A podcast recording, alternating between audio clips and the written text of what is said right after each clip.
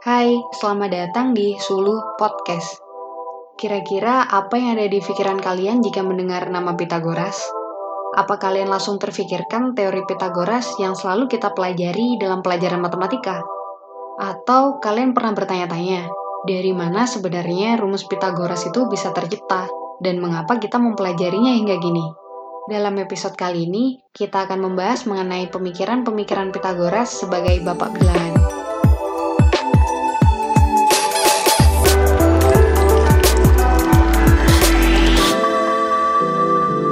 Pitagoras merupakan pemikir pertama kali yang mencetuskan istilah filsafat.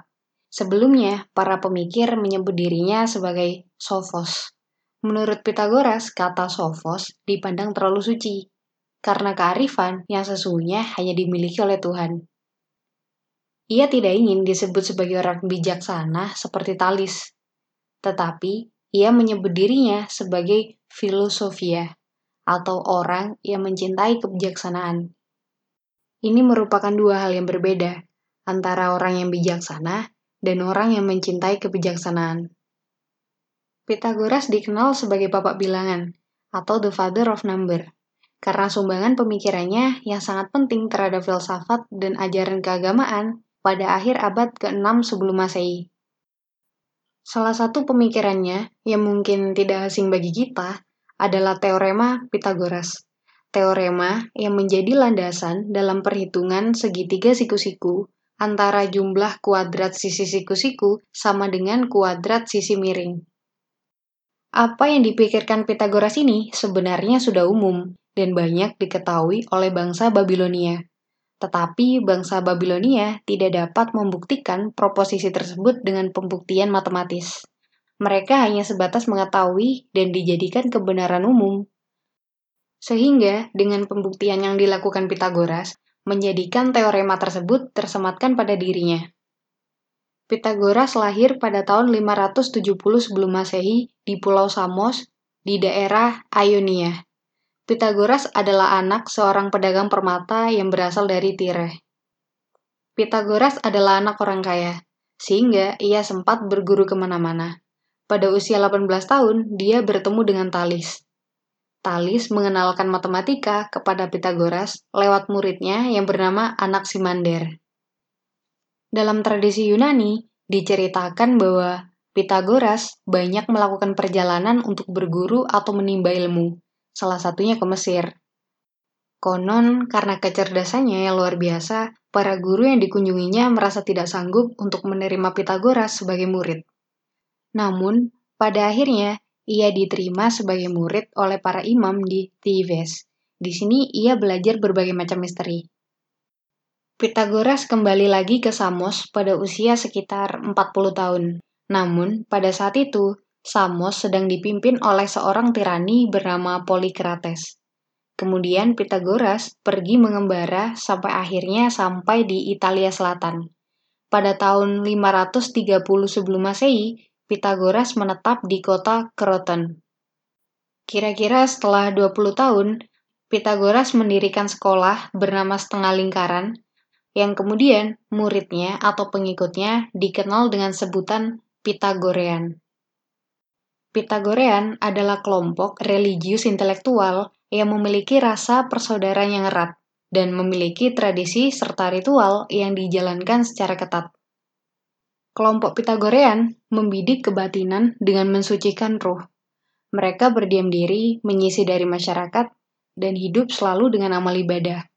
Bagi mereka, matematika adalah aktivitas keilahian dan mengandung unsur metafisik.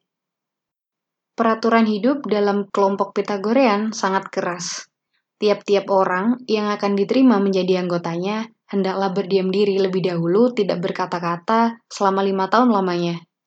Apabila ia tahan menanggung percobaan itu, barulah ia diakui sebagai kawan. Setiap hari dalam bekerja harus relevan antara hati naluri dengan tindakan.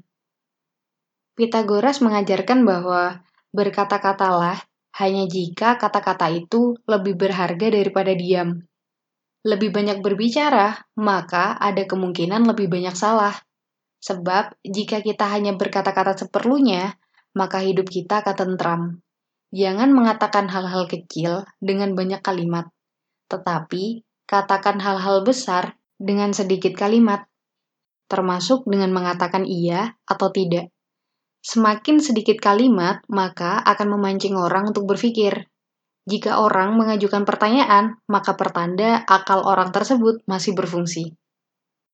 Pengikut ajaran Pitagoras memiliki pantangan-pantangan seperti dilarang memakan buncis, hanya boleh meminum air, makan makanan mentah, jangan memungut barang yang sudah jatuh, jangan menyentuh ayam jago putih, jangan melangkai palang, jangan memetik karangan bunga, jangan berjalan kaki di atas jalan raya, dan lain sebagainya.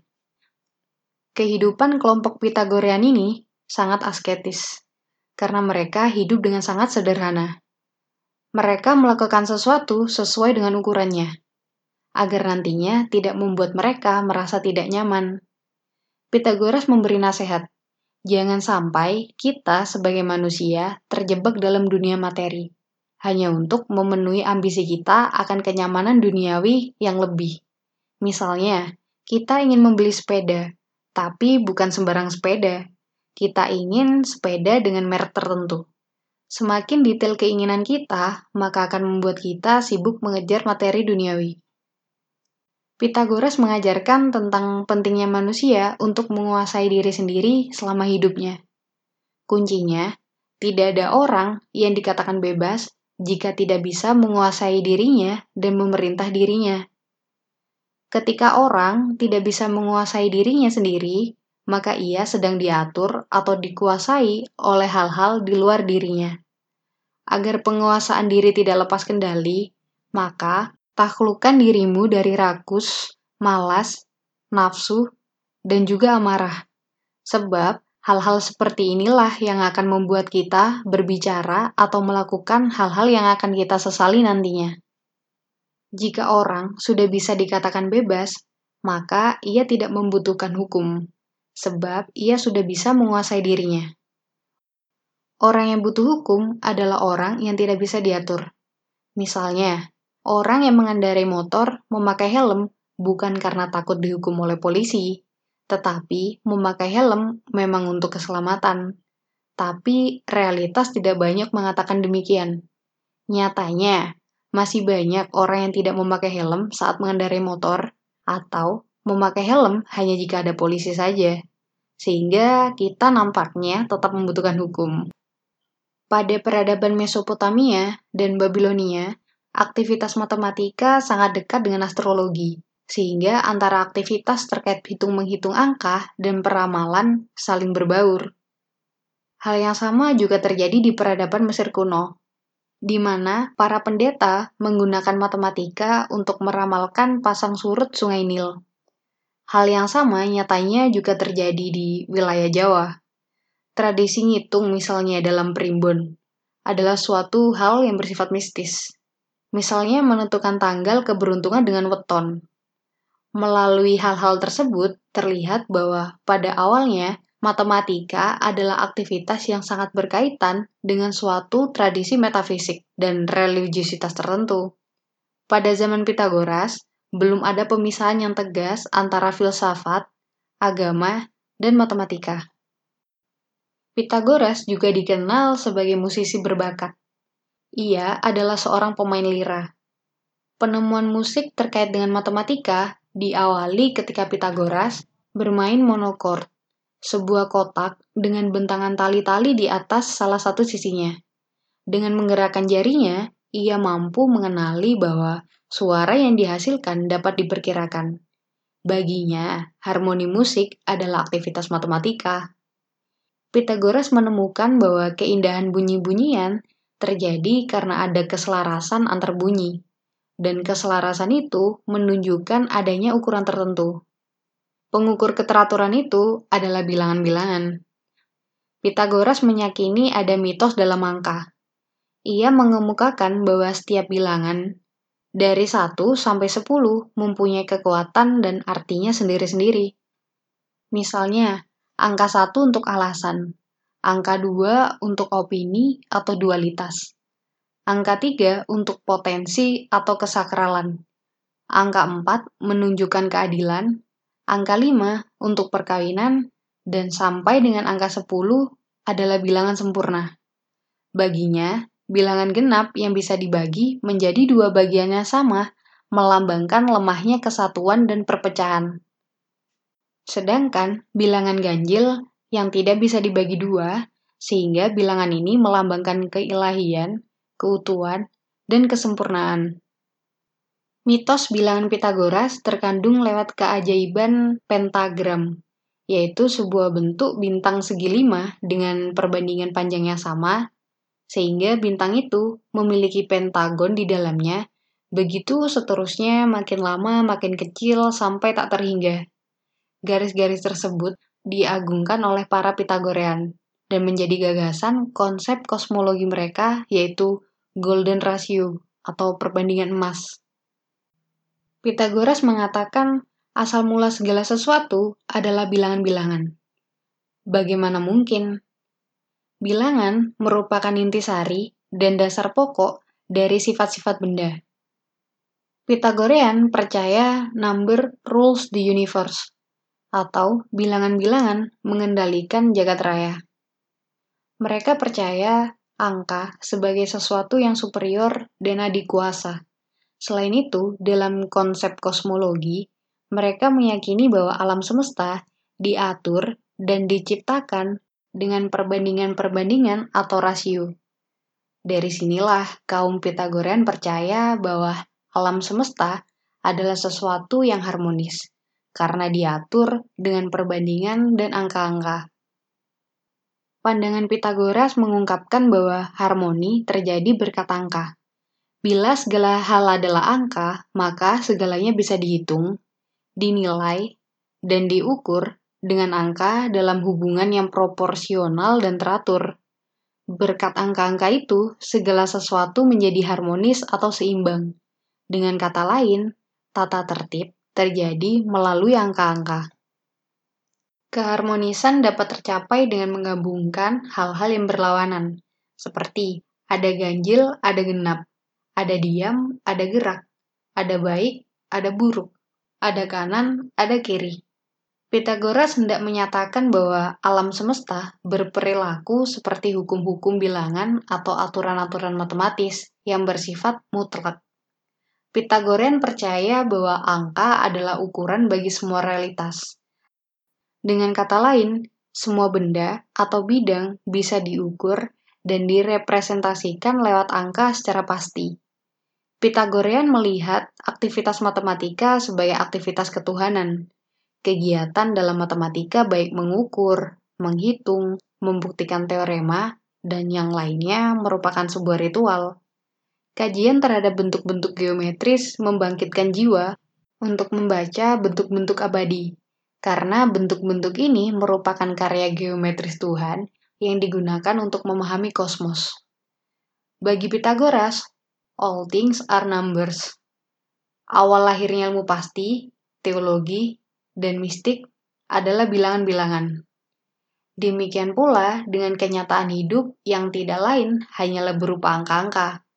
Misalnya, berapa umurmu, sekarang jam berapa, kamu punya buku berapa, semua jawabannya berupa angka.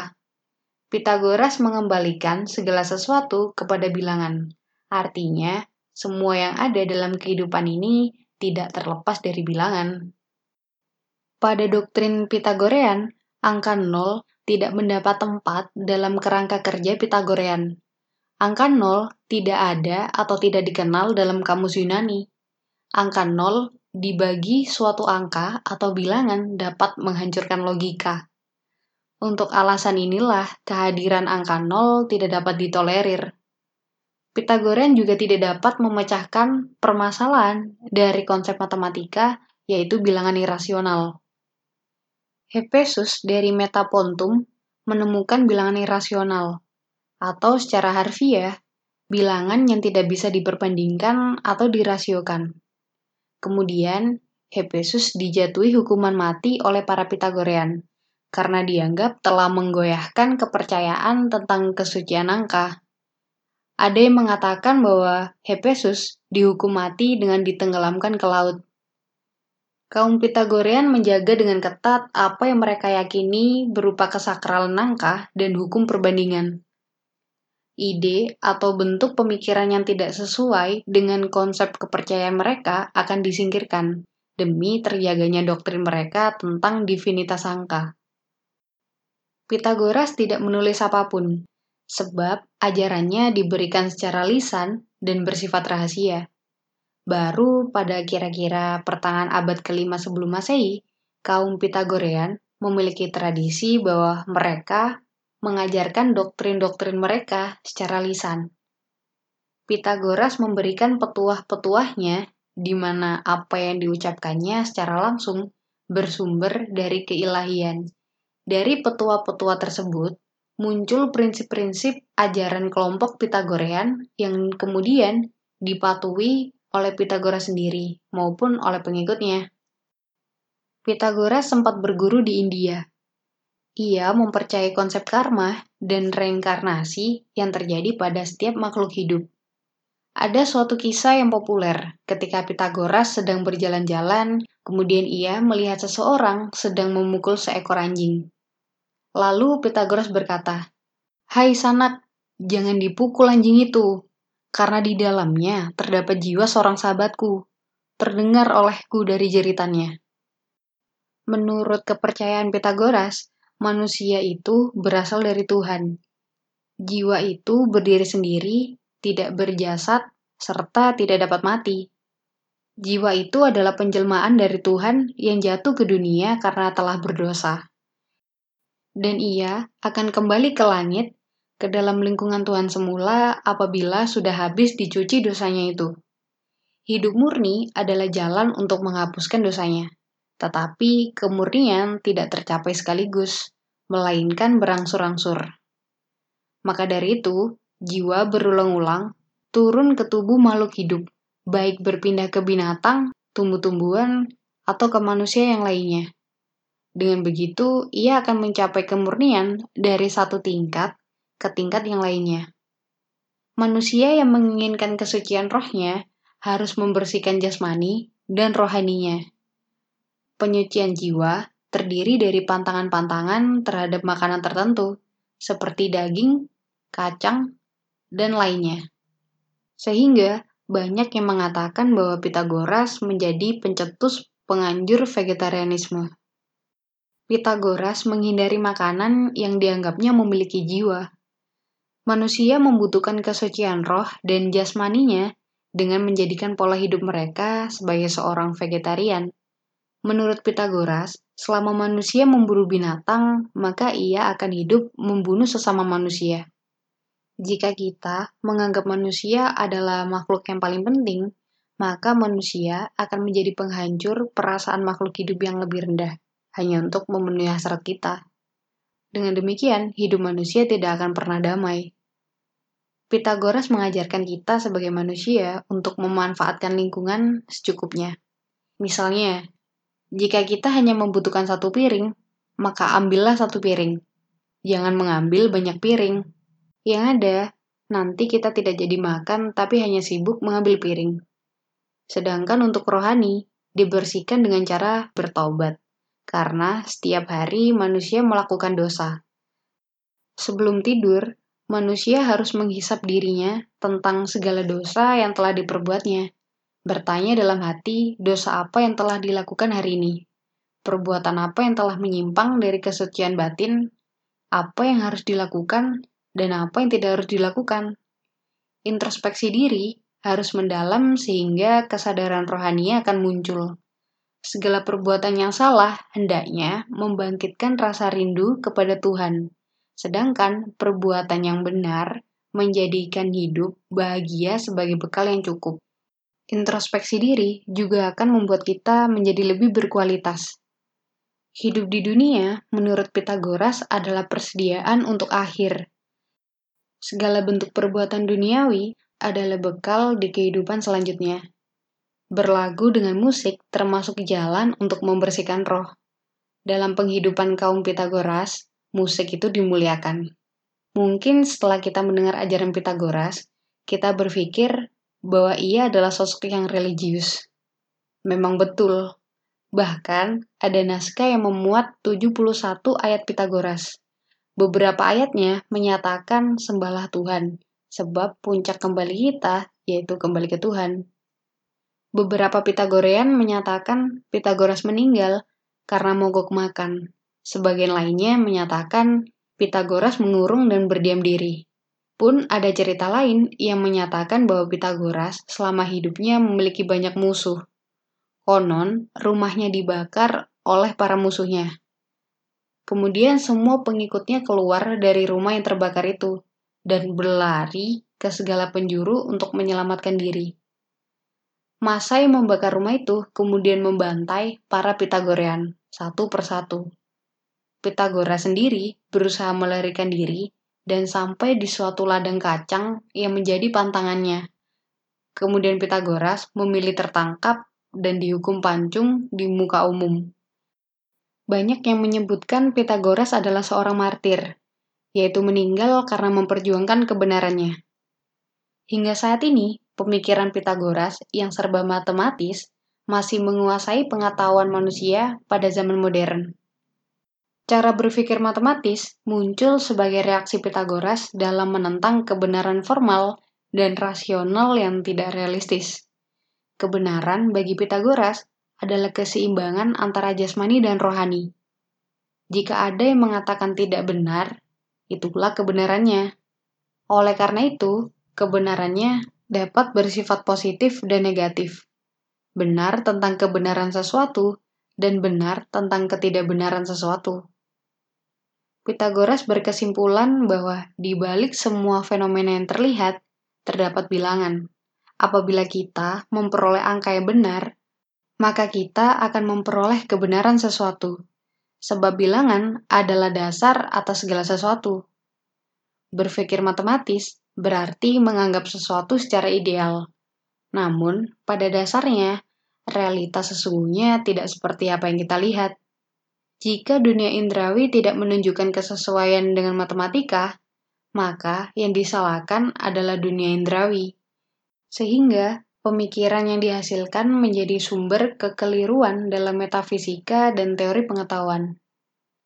Apa yang dirasakan manusia di dunia tidak banyak mempertontonkan realitas yang sesungguhnya.